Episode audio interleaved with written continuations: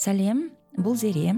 Өздеріңізбен оның авторы әрі жүргізушісі маншуга саутай сіздерді әдеттегідей әйелдердің проблемасы құқығы мен өмірі жайлы сөз ететін подкастымыздың кезекті эпизодын тыңдауға шақырамын. Осы күндері түркістанда жан түршігерлік қылмыс бойынша сот процесі өтіп жатыр. отыз төрт жастағы әйел ұзақ жыл отасқан күйеуін пышақтап өлтірген. Алғашқы сот отырысында ол күйеуін абайсызда өлтіріп алған оған не себеп болғанын дауысы дірілдеп өксігін баса алмай әрең баяндап берді. Қазақ ана мен өзім оны пышақ тыққан жоқпын дашы құрметті сот біз отқанбыз да дарбыз жеп отыр едік. Сосын кейін күйеуіме звондады да біреу сөйтіп қатыным қайтадан тик ток түсіп жатыр деп айтты кейін маған айтты ол пышақты ал да өзіңе тық деп. Оның арасында бірақ басымды былайынан ұрды жұдырықтап ұрды да басыма мен айттым е қой қазір пышақ біреуімізге кіріп кетеді деп айтты. Ойыма қайта қайта пышақтың мойнына тағады пышақ ұстатып қойған осылай келіп оң жағыма келіп отырып алды өзі былайынан қазір үш дегенде өзіңе былайынан тығып қаласың деп. Мен қанша айттым кешір кешірім деп сұрадым одан сосын бәрі қайтадан санап жатыр кейін мен өзіме ойыма келді да пышақ нағашымен басына салып қалсам талып қалатын шығар деп өзім сөйтіп ойладым да өзімді андай қорғадым. Сөйтіп қайтадан келіп айтып жатыр маған бір екі кейін үш деп қатты айтқан айтып орнынан тұрып қалған пышақтың ұшы өзінің ойына кіріп кетті. Да осындай жерде кішкентай. Сонымен дарбыздың үстіне қан атылып кетті кәдімгі өзім қорқып кеттім. Мен оны өлтіремін деген вообще ойымда болған жоқ. Мен оны қалыңдай жақсы көретінін білетінмін әпшелер ағалар да біледі. Он төрт жылдан бері қорлап келіп таяқ жеймін. Қанша қойшы балдарым үшін шығар деп келдім таяқтарды бастарым да жарылған мен оны өлтіремін деген вообще ойымда болған жоқ просто пышақтың ұшы кіріп кейін орнынан тұрды артқа қарап талып қалды құрметті сот бұл жағдайдың ең ауыры оқиғаға екі баласы куә болған. Қатты андай шыңғырып жібердім да сөйткен балдарым жүгіріп келді үшеуі де көрді әкелері қансырап жатқанын сөйтіп жылады үшеуі де мен айттым мен әтеке тыққан жоқпын деп. Сөйтіп кейін балдарым жалынып анашым сіз қамалып кетсеңіз біз тірі жетім боламыз ғой әкеміз де жоқ анамыз да жоқ деп. Мен негізі скорый шақырамын деп отырғанмын сол биге шақырып балдарым үшін істедім ғой соны ешкім білмей қалады деп шоковый состояниеға түсіп қалдым балалардың мүддесін ескере отырып айыпталушының есімін атамауды жөн деп таптым. Сондықтан аты жөнін атамай ақ қояйын. Оның есімі емес оқиғасы маңыздырақ деп ойлаймын. Қазір бұл келіншек адам өлтіру және алаяқтық бабымен жауапқа тартылып жатыр. Тергеу қорытындысы бойынша оған өз үйінде заңды некедегі күйеуін асқан қатыгездікпен өлтірді. Оның көлігін алаяқтықпен сатты деген айып тағылған. Әйел сотта 14 жыл ерлі зайыпты болып бірге тұрған күйеуінен үнемі зорлық зомбылық көргенін жұбайын кезекті ұрыс керіс кезінде абайсызда өлтіріп алған. Қылмыстың ізін жасыру үшін марқұмның денесін бөлшектеп өзенге ағызып жібергенін айтып тағылған айыпты ішінара мойындады. Бүгінгі эпизодта осы кейсті кеңірек талқылап ұзақ жыл зорлық көрген әйелдің психикасы жайлы сөйлессек деп сол үшін психолог маман әсем амангелдіқызын қонаққа шақырдым. Әсем қош келдіңіз. Қош келдік. Сонымен сіз соттағы әйелдің сөзін тыңдадыңыз. Маман ретінде не айтар едіңіз? Енді 14 жыл қорлық көріп келген. Тұрмыстық зорлық зомбылықта бірнеше түрлері бар. Яғни бірінші түрі ол физикалық зорлық зомбылық одан кейін эмоционалдық зорлық зомбылық одан кейін жыныстық зорлық зомбылық. Бұл жерде осының барлығында бұл әйел адам көрген сияқты физикалық зорлық зомбылық оны ұру иә қорлау тепкілеу деген сияқты. Эмоционалдық жаңағы әйел адамға әртүрлі ауыр сөздерді айту бұл кісі де мен ойлаймын сондай зорлық зомбылықты көрген өйткені ондай нәрсені ашу үстінде жасап отыр ғой. Аффект кезі дейді. Аффект яғни ол сол состояниеға дейін қысым әкелді. Аффект кезінде ол сол өзінің ашуын ұстай алмады. Өзінің қорғану үшін жасады біріншіден әрине әйел адамды өзін пышақты ол бірінші ер адам төсеп тұр ғой. Бірінші ер адам төсеп тұрған соң ол қорғану керек. Әйел адам ең бірінші негізі балаларын ойлайды. Өзінен гөрі не үшін жылдар бойы қорлық зорлық көріп жүреді?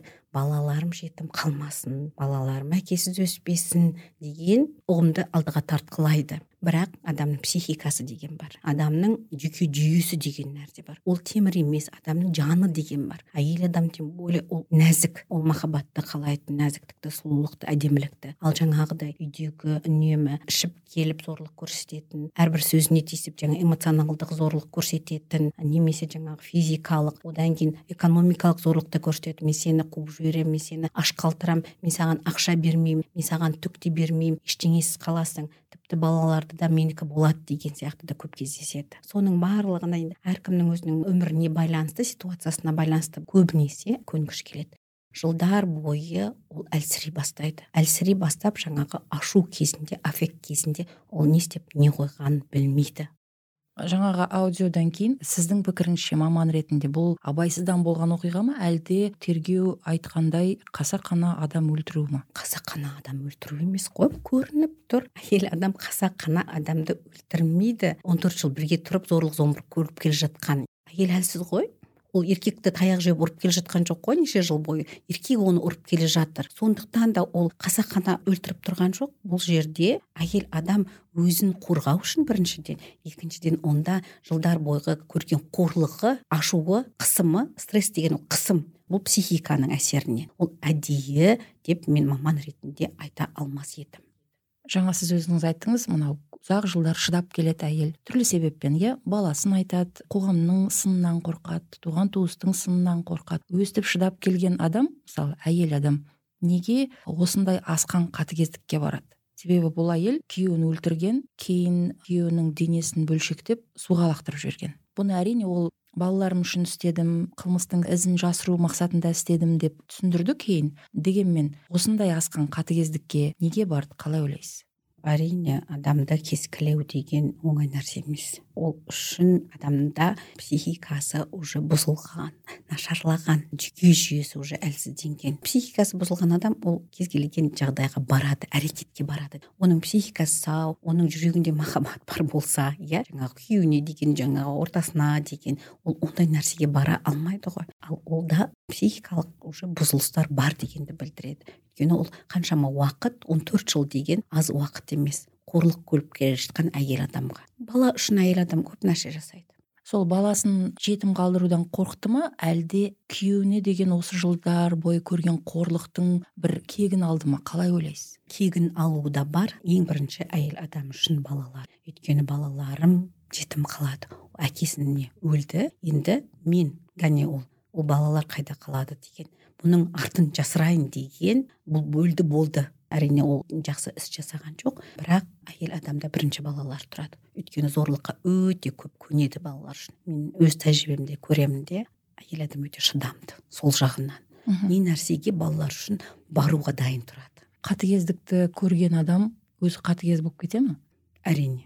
Қатыгездікті көрген адам қатыгез болады. Психикасы бұзылады оның. Ол соны емін еркін одан кейін оған көрсетіп оған қайталай алады. Өйткені оның көргені көріп өскені сол болады. Өйткені мына біз айтамыз ғой педофилдер қайдан шығады? Олар неге солай? Ал олар да сол бала кезінде қандай да бір біреуден зорланған болуы мүмкін. Немесе травма алған немесе сол қатыгездік көрген. Былайша айтқанда жаны сау адам емес. Ал жаны сау адам емес әртүрлі қылыққа барады. Адам ойламаған саналы психикасы сау адам ойламаған әртүрлі жағдайларға дейін апарады. Жылдар бойы зорлық көрген әйелдің психикасы қалай өзгереді? Қандай болады ол? Мысалы енді өзіңіз тәжірибелі мамансыз сізге енді көп адамдар көмек сұрап келеді. Барлығы қатыгез болады деп айту қиын шығар. Керісінше мысалы тұйықталып әр нәрсеге көне беретіндер де бар шығар арасында. Ұзақ жыл бойы осы зорлықты көрген әйелдердің психикасы қалай өзгереді? Сіз қалай оны байқай аласыз? Жалпы мысалы мен байқай аламын ба сондай әйелді? Қандай да бір сигналдар бола ма?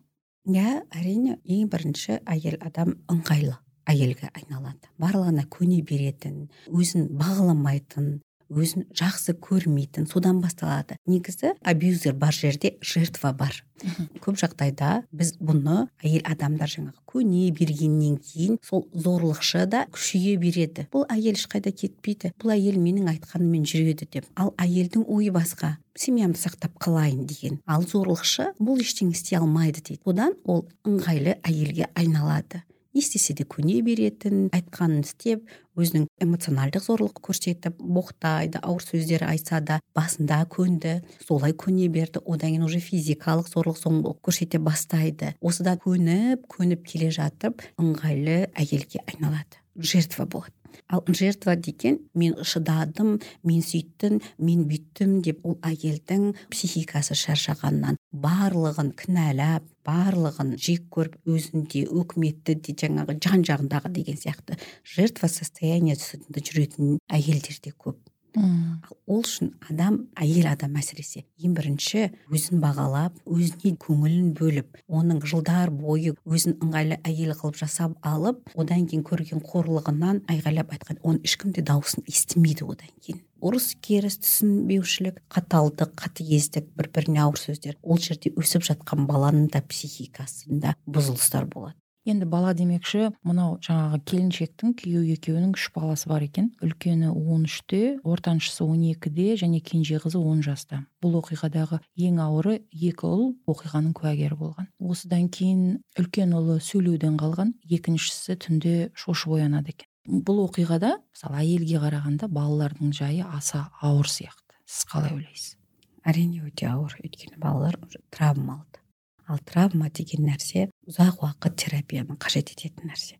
Яғни баланың психикасына қатты өзіне жақын адамдардың іс әрекеті онсыз да жылдар бойы келді ғой. Енді анандай жақын адамын пышақтап жатқаны ол травма оның психикасының яғни бұзылыстар әкелді дегенді білдіреді. Ал онымен жұмыс жасамаса сол бала қаталдық көріп өскен бала басқа біреуге қаталдық көрсетуі де мүмкін. Қатыгездікті көріп өскен бала сол тәрбиені алып соны сүйегіне сіңіріп шығарады. Психика деген өте әлсіз нәрсе ғой.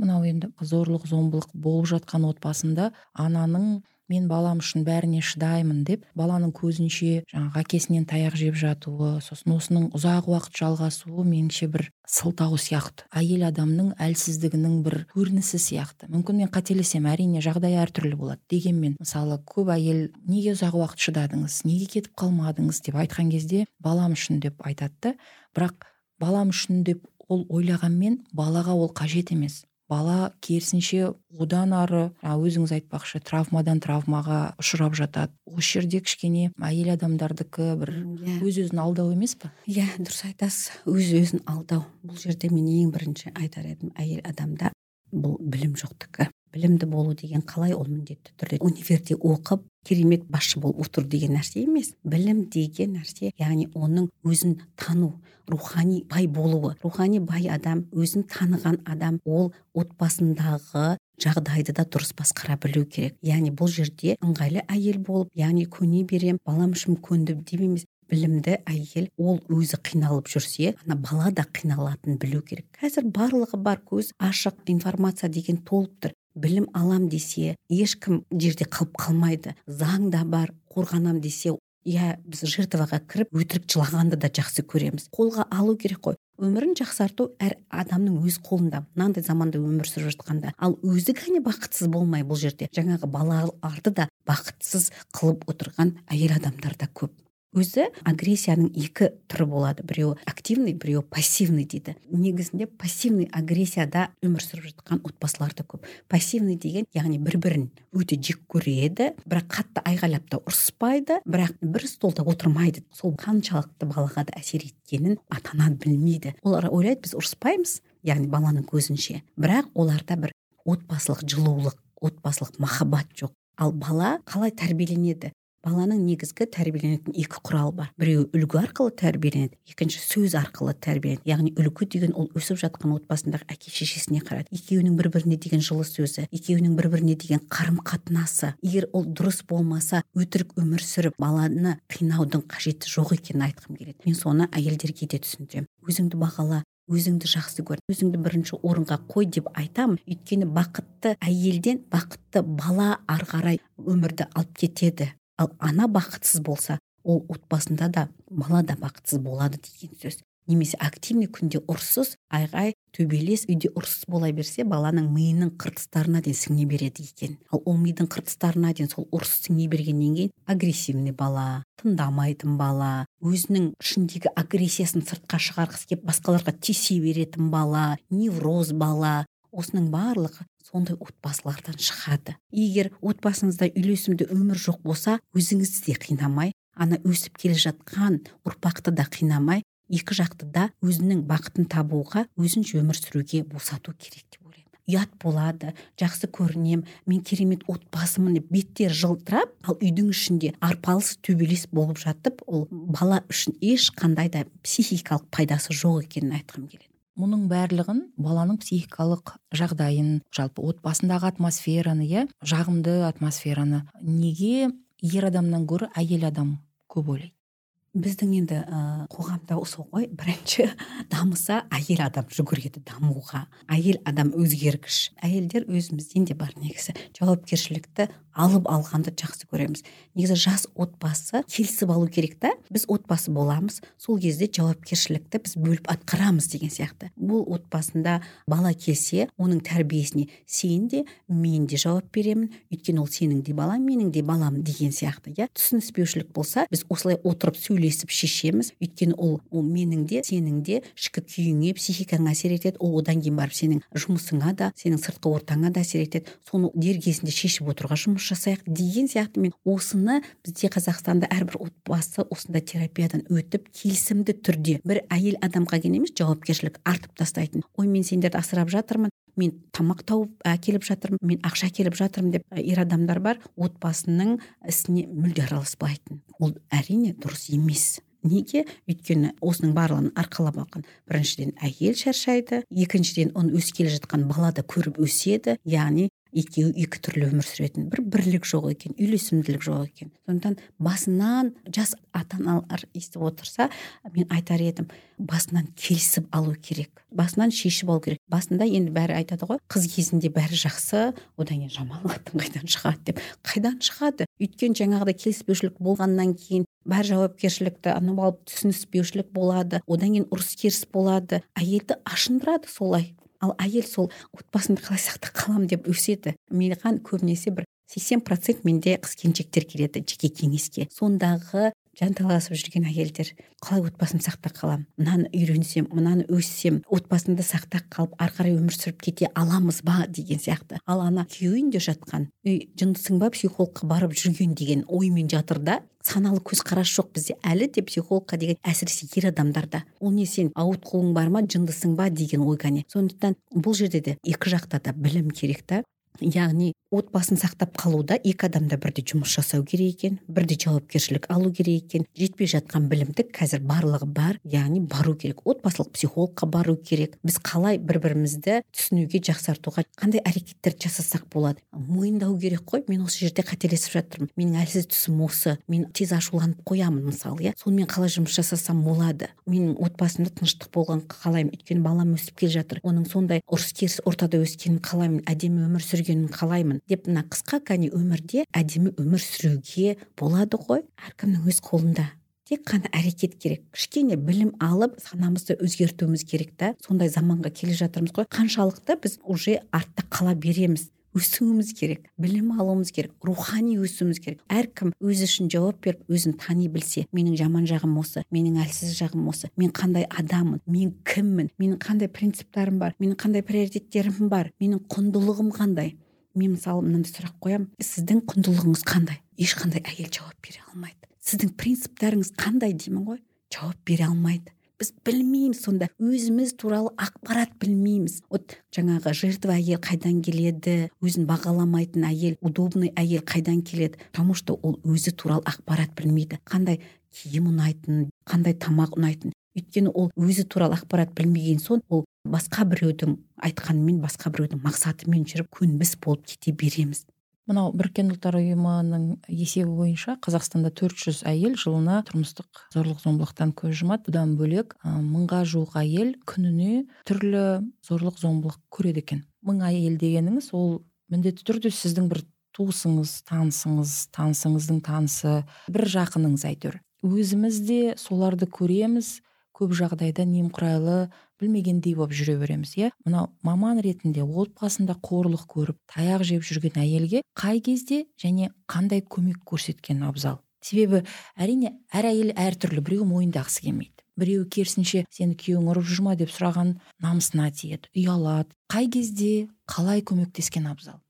Ең бірінші мен айтар едім енді ол әйел бір отбасынан шықты ғой. Сондықтан кез келген отбасында балаға өзінің ішкі тірегін мықтылап өсіруіміз керек. Яғни ішкі тірек деген өзін бағалау. Ішкі тірегі мықты болса ол ішкі тірегіне сүйеніп ол сырттағы болып жатқан нәрселерге басқаша жауап бере алады. Ішкі тірегі мықты адам эмоцияларын басқарып өзіне не қажет екенін біліп өзінің өмірінде ары қарай алып кете алады. Яғни ата ана тұрмысқа шығып кеткен қызына өзін бағалауды бірінші соны сіңіріп ішкі тірегі мықтылығын сіңіріп жіберу керек. Сен бізге құндысың кез келген уақытта. Сен бізге керексің. Сен менің баламсың. Сондықтан сен қандай да бір қорлық көріп жатсаң саған біреу тиісіп жатса сен біз бар екенімізді ешқашан ұмытпауың керек деп яғни ата ана туған туысынан бірінші көмек болу керек. Көмектің бар екенін сезіну керек. Енді бізде бұрыннан тәрбиелеп келе жатқан мынандай ғой қайтып келуші болма. Сол үйде сүйегің шықсын.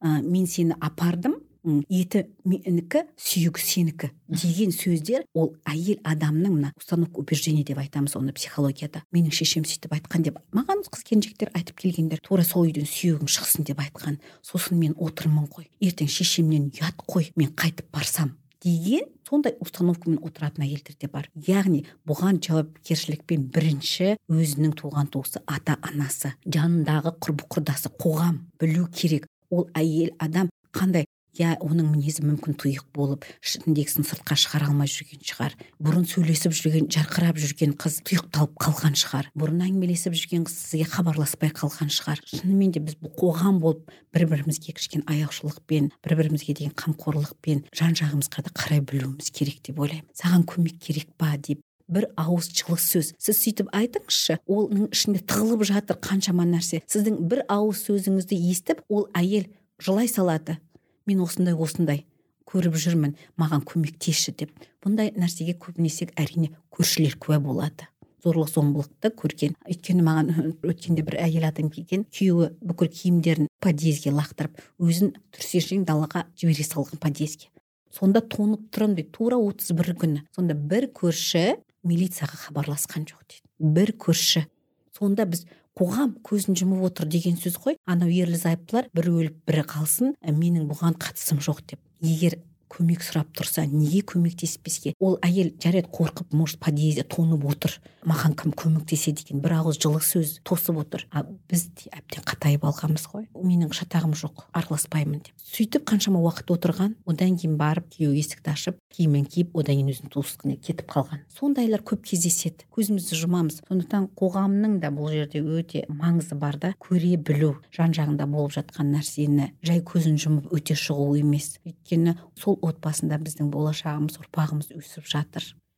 Мынау жалпы зорлық зомбылық тақырыбын қозғаған кезде әдетте қол көтеретін ер адамды айтамыз. Сондай кезде еркектің де кезінде өзі сол қорлықты көргені зорлықты көргені сосын өскеннен кейін басынан өткен қорлықты өзге әлсіз адамға көрсетіп жүр деген пікірлер айтылады да. Шынымен де ол жаңағы кішкентай кезіндегі қорлықты кейін уже есейгеннен кейін жанындағы әлсіз ол мейлі бала болсын ол мейлі әйел болсын ол мейлі әлсіз дос болсын қоғамдағы әлсіз адам болсын солардың барлығына көрсетуі заңдылық па? Мүмкін. Өйткені көп жағдайда олай да кездеседі. Неге? Тағы да бұл отбасынан басталып тұр ғой иә? Жаңағы ер адамды ұрып өсіру айғайлап өсіру таяқтап өсіру арқылы оның психикасында сол травмалар қалып қалады. Сол стресстер шықпайды. Ол жылдар бойы сол стресс онда жиналып тұр. Оны шығару керек. Ол не істейді? Одан өзінен әлсіз адамдардан шығарады. Сол әлсіз адамдардан алады. Ал ол әлсіз адамды сол өзі таңдайды да. Психология бойынша ол удобный адамды тауып алады өзіне зорлық көрсететін. Өйткені ер адамдар травмалармен жұмыс жасаудан қашады. Ал ол травмалар ешқайда шығып кеткен жоқ. Бала кезден келе жатқаннан кейін ол шығу керек. Біз блок деп айтамыз мысалы қысым иә? Ол қысым іште тұрғаннан кейін оның жүйке жүйесіне де әсерін беріп агрессивный состояниеға дейін әкеледі. Ал ол үшін әрине жұмыс жасау керек психотерапиядан өту керек. Это норма екенін біз қашан түсінеміз деймін да. Ол жай ғана бір эзотерикада емес ол ғылымда. Ал ғылым деген нәрсе ол зерттелінген нәрсе. Яғни ол адамның ағзасындағы өзгерістер оның ішкі күйіндегі өзгерістер оның өміріне де тәніне де әсерін береді. Одан кейін бізде психолог пен психиатр шатастырады ғой. Сен не психсың ба деп. Психиатрға иә ол да дәрігер. Оған психикалық кішкене ауытқу бар диагнозы бар адамдар барады уже депрессияға ұшырап. Ана стресспен күйзеліспен жылдар бойы жүреді жүреді де одан кейін өзінің миын басқара алмайды. Өзінің психикасын басқара алмағаннан кейін ол депрессияға ұшырайды. Күйзеліс яғни өмірдің мәнін жоғалтып алады адам. Ушыққан кезде психолог оған көмектесе алмайды. Ол өйткені психотропный дәрі бермейді сізге. Ал ушыққан кезде еріксіз сол психиатр іздеп жүреді. Психиатр уже психотропный дәрі беріп сізге емдейді. Өйткені мидағы нейрондар уже шиеленісіп кеткенде бүйтіп баттасып былайша айтқанда бір бірімен оны өзі шеше алмайды оны психолог та шеше алмайды оны арнайы дәрілер беріп арнайы терапия арқылы кәдімгі шешіледі. Ал соның басында шешіп алса ештеме емес еді ғой. Басында психологияда да әртүрлі методикалар бар. Жеңіл түрінен өтіп адамның миындағы установка убеждениясымен жұмыс жасайды. Яғни сіздің бала кезіңізде қандай установка убежденияңыз бар? Соны алып тастауға. Сізді ата анаңыз кішкентай сенің қолыңнан түк келмейді сен істей алмайсың сен жалқаусың деген сөздерді айта берсе ол балада установка сондай е менің қолымнан түк келмейді деген сияқты. Сөйтіп өзін таба алмай адасып жүрген қаншама бізде бар мысалы қоғамда. Ал сол установкалармен жұмыс жасаса сол терапиядан өтсе өздерінің өмірлерін жақсартады ғой. Жеңілдейді дейді ғой. Оның ішкі күйі сыртқы оның қоршаған жұмысына да қарым қатынас өмірдің барлық сфераларға әсерін береді ол. Кез келген сенімсіз адам жұмысында да өзін көрсетіп айта алмайды ғой. Ол қорқақтайды ол артқа тартып тұрады. Ал сол установка убеждениясымен жұмыс жасаса ол адам өзін көрсетіп қоғам пайдалы болар еді. Немесе отбасына пайдалы болар еді. Яғни өзіне деген сенімділігі артып өзіне деген махаббат артып өмірге деген махаббат артып адамның көзқарасы өзгереді терапияға барса. Жалпы біздің осы зорлық тақырыбындағы әңгімеміздің аяғын зорлықты тоқтатудың бейбіт жолы бар ма деп сұрап аяқтайын дегем меніңше сіз сол сұрақтың жауабын айтып қойған сияқтысыз. Әркім өзімен өзінің тәрбиесімен айналысса ғой. Жаңа біз ата анамызды кінәлайық иә? Ол мені ұрды сөйтті деп. Енді оның өмір сүру ережесі сондай болды да оның алған тәрбиесі сондай болды. Оны да кінәлаудың қажеті жоқ. Өйткені ол басқа тәрбие бере алмайды. Но қазір көзіміз ашық қой. Неге қазір біз өзімізбен жұмыс жасамасқа? Әркім өзімен жұмыс жасасыншы өзінің бала кезде қойып қойған установка убеждениесін өзгертіп әркім өзімен айналысқанда айтамын өсек айтуға да уақытың болмай қайды когда сен өзіңмен жұмыс жасайсың сен біреуді анау мынау кінәлі мынау кінәлі деп айтпайсың. Сен өзіңді өсіріп өзіңді бағалап өмірге деген көзқарасың өзгеріп әлемнің мүмкіндігі көп екенін көрген кезде жанталасып жұмыс істейсің саяхаттайсың деген сияқты ғой. Әдемі нәрселерді көруге ұмтыласың. Сондықтан адам өзін таныған кезде оның махаббаты ашыла бастайды. Өзіне деген әлемге деген. Өйткені мен құдайды махаббат деп сенемін. Ал әрбір адам ол құдайдың бір бөлшегі. Махаббатқа толы бір біріне деген мейірім. Мен бұл өмірді әдемі өмір сүруімізге болады ғой деп ойлаймын. Рахмет. Осындай бір позитивті нотада бүгінгі эпизодымызды аяқтайық. Енді қымбатты тыңдарман маманымыздың айтқанындай өзімізді таниық махаббатпен өмір сүрейік. Әсем сізге келіп уақытыңызды бөлгеніңіз үшін көп рахмет.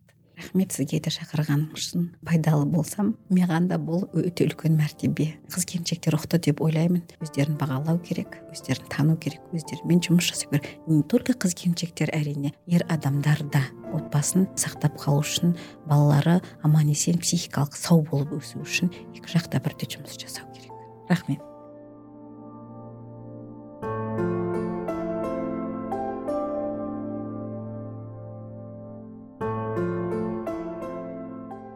Осымен қымбатты тыңдарман бүгінгі эпизод тәмам оны дайындауға маған көмектескен аудиоредактор елдар құдайбергенов. Келесі кездескенге шейін келесі эпизодқа шейін аман сау болайық.